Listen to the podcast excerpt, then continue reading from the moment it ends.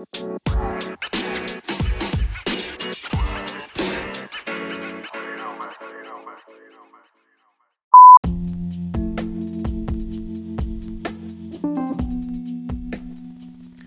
balik lagi bersama gue, Dava dari podcast Jalan-Jalan Jauh. Bagaimana kabar kalian semua? Semoga kalian sehat-sehat selalu dan juga dijauhi dari virus COVID-19 ini. Kali ini kita akan eh, ngobrol-ngobrol santai ya, tentang uh, kita di sini temanya yaitu protokol kesehatan selama pandemi COVID-19 jadi uh, siapa sih yang nggak tahu protokol kese protokol kesehatan atau yang disingkat sebagai prokes? Nah, prokes itu uh, sebuah uh, adalah protokol ya namanya aja protokol kesehatan ya kan. Uh, protokol kesehatan itu wajib ada dan juga terlaksana di berbagai lingkungan. Uh, misalnya nih, misalnya di daerah umum seperti mall, supermarket, pusat pembelajaran, pasar, coffee shop, dan juga area seperti bandara dan juga terminal.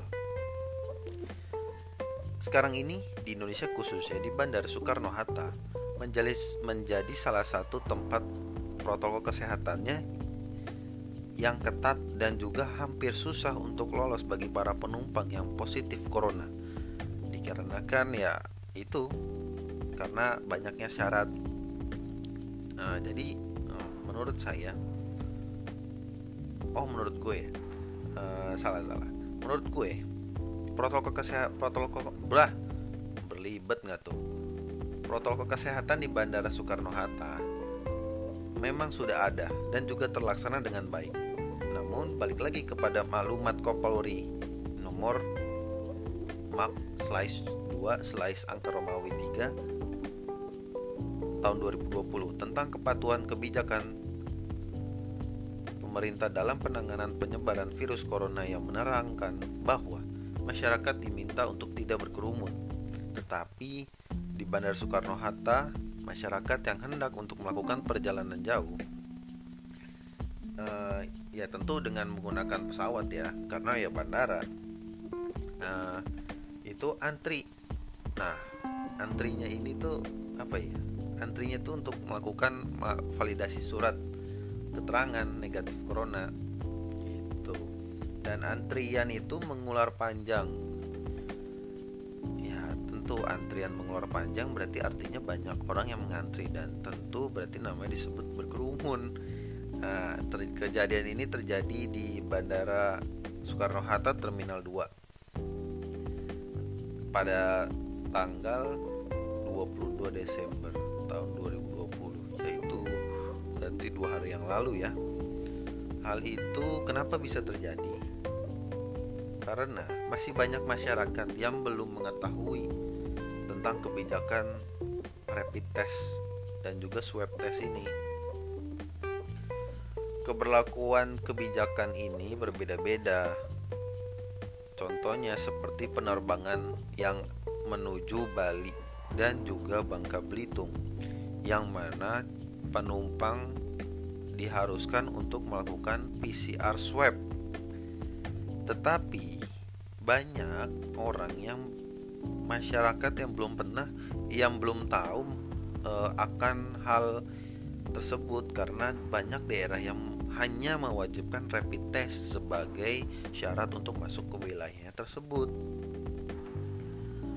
E, seharusnya pemerintah itu pemerintah pusat ya pemerintah pusat itu seharusnya membuat peraturan agar peraturan tersebut bisa sama rata jadi eh, peraturan tersebut tidak berbeda-beda eh, tidak berbeda-beda agar ya itu agar masyarakat nggak bingung. Atau kalau misalkan eh, membuat agar membuat agar membuat masyarakat tidak bingung uh, buatlah informasi seperti campaign atau sebuah iklan atau sebuah apa gitu yang menerangkan bahwa ke Bali atau misalnya ke Bangka Belitung itu uh, diharuskan untuk ini diharuskan untuk uh, PCR swab ya kan? Karena ya gue aja baru tahu gitu. Waktu kapan gue itu sempat ada acara juga ke daerah Palembang. Gue itu pakai mobil.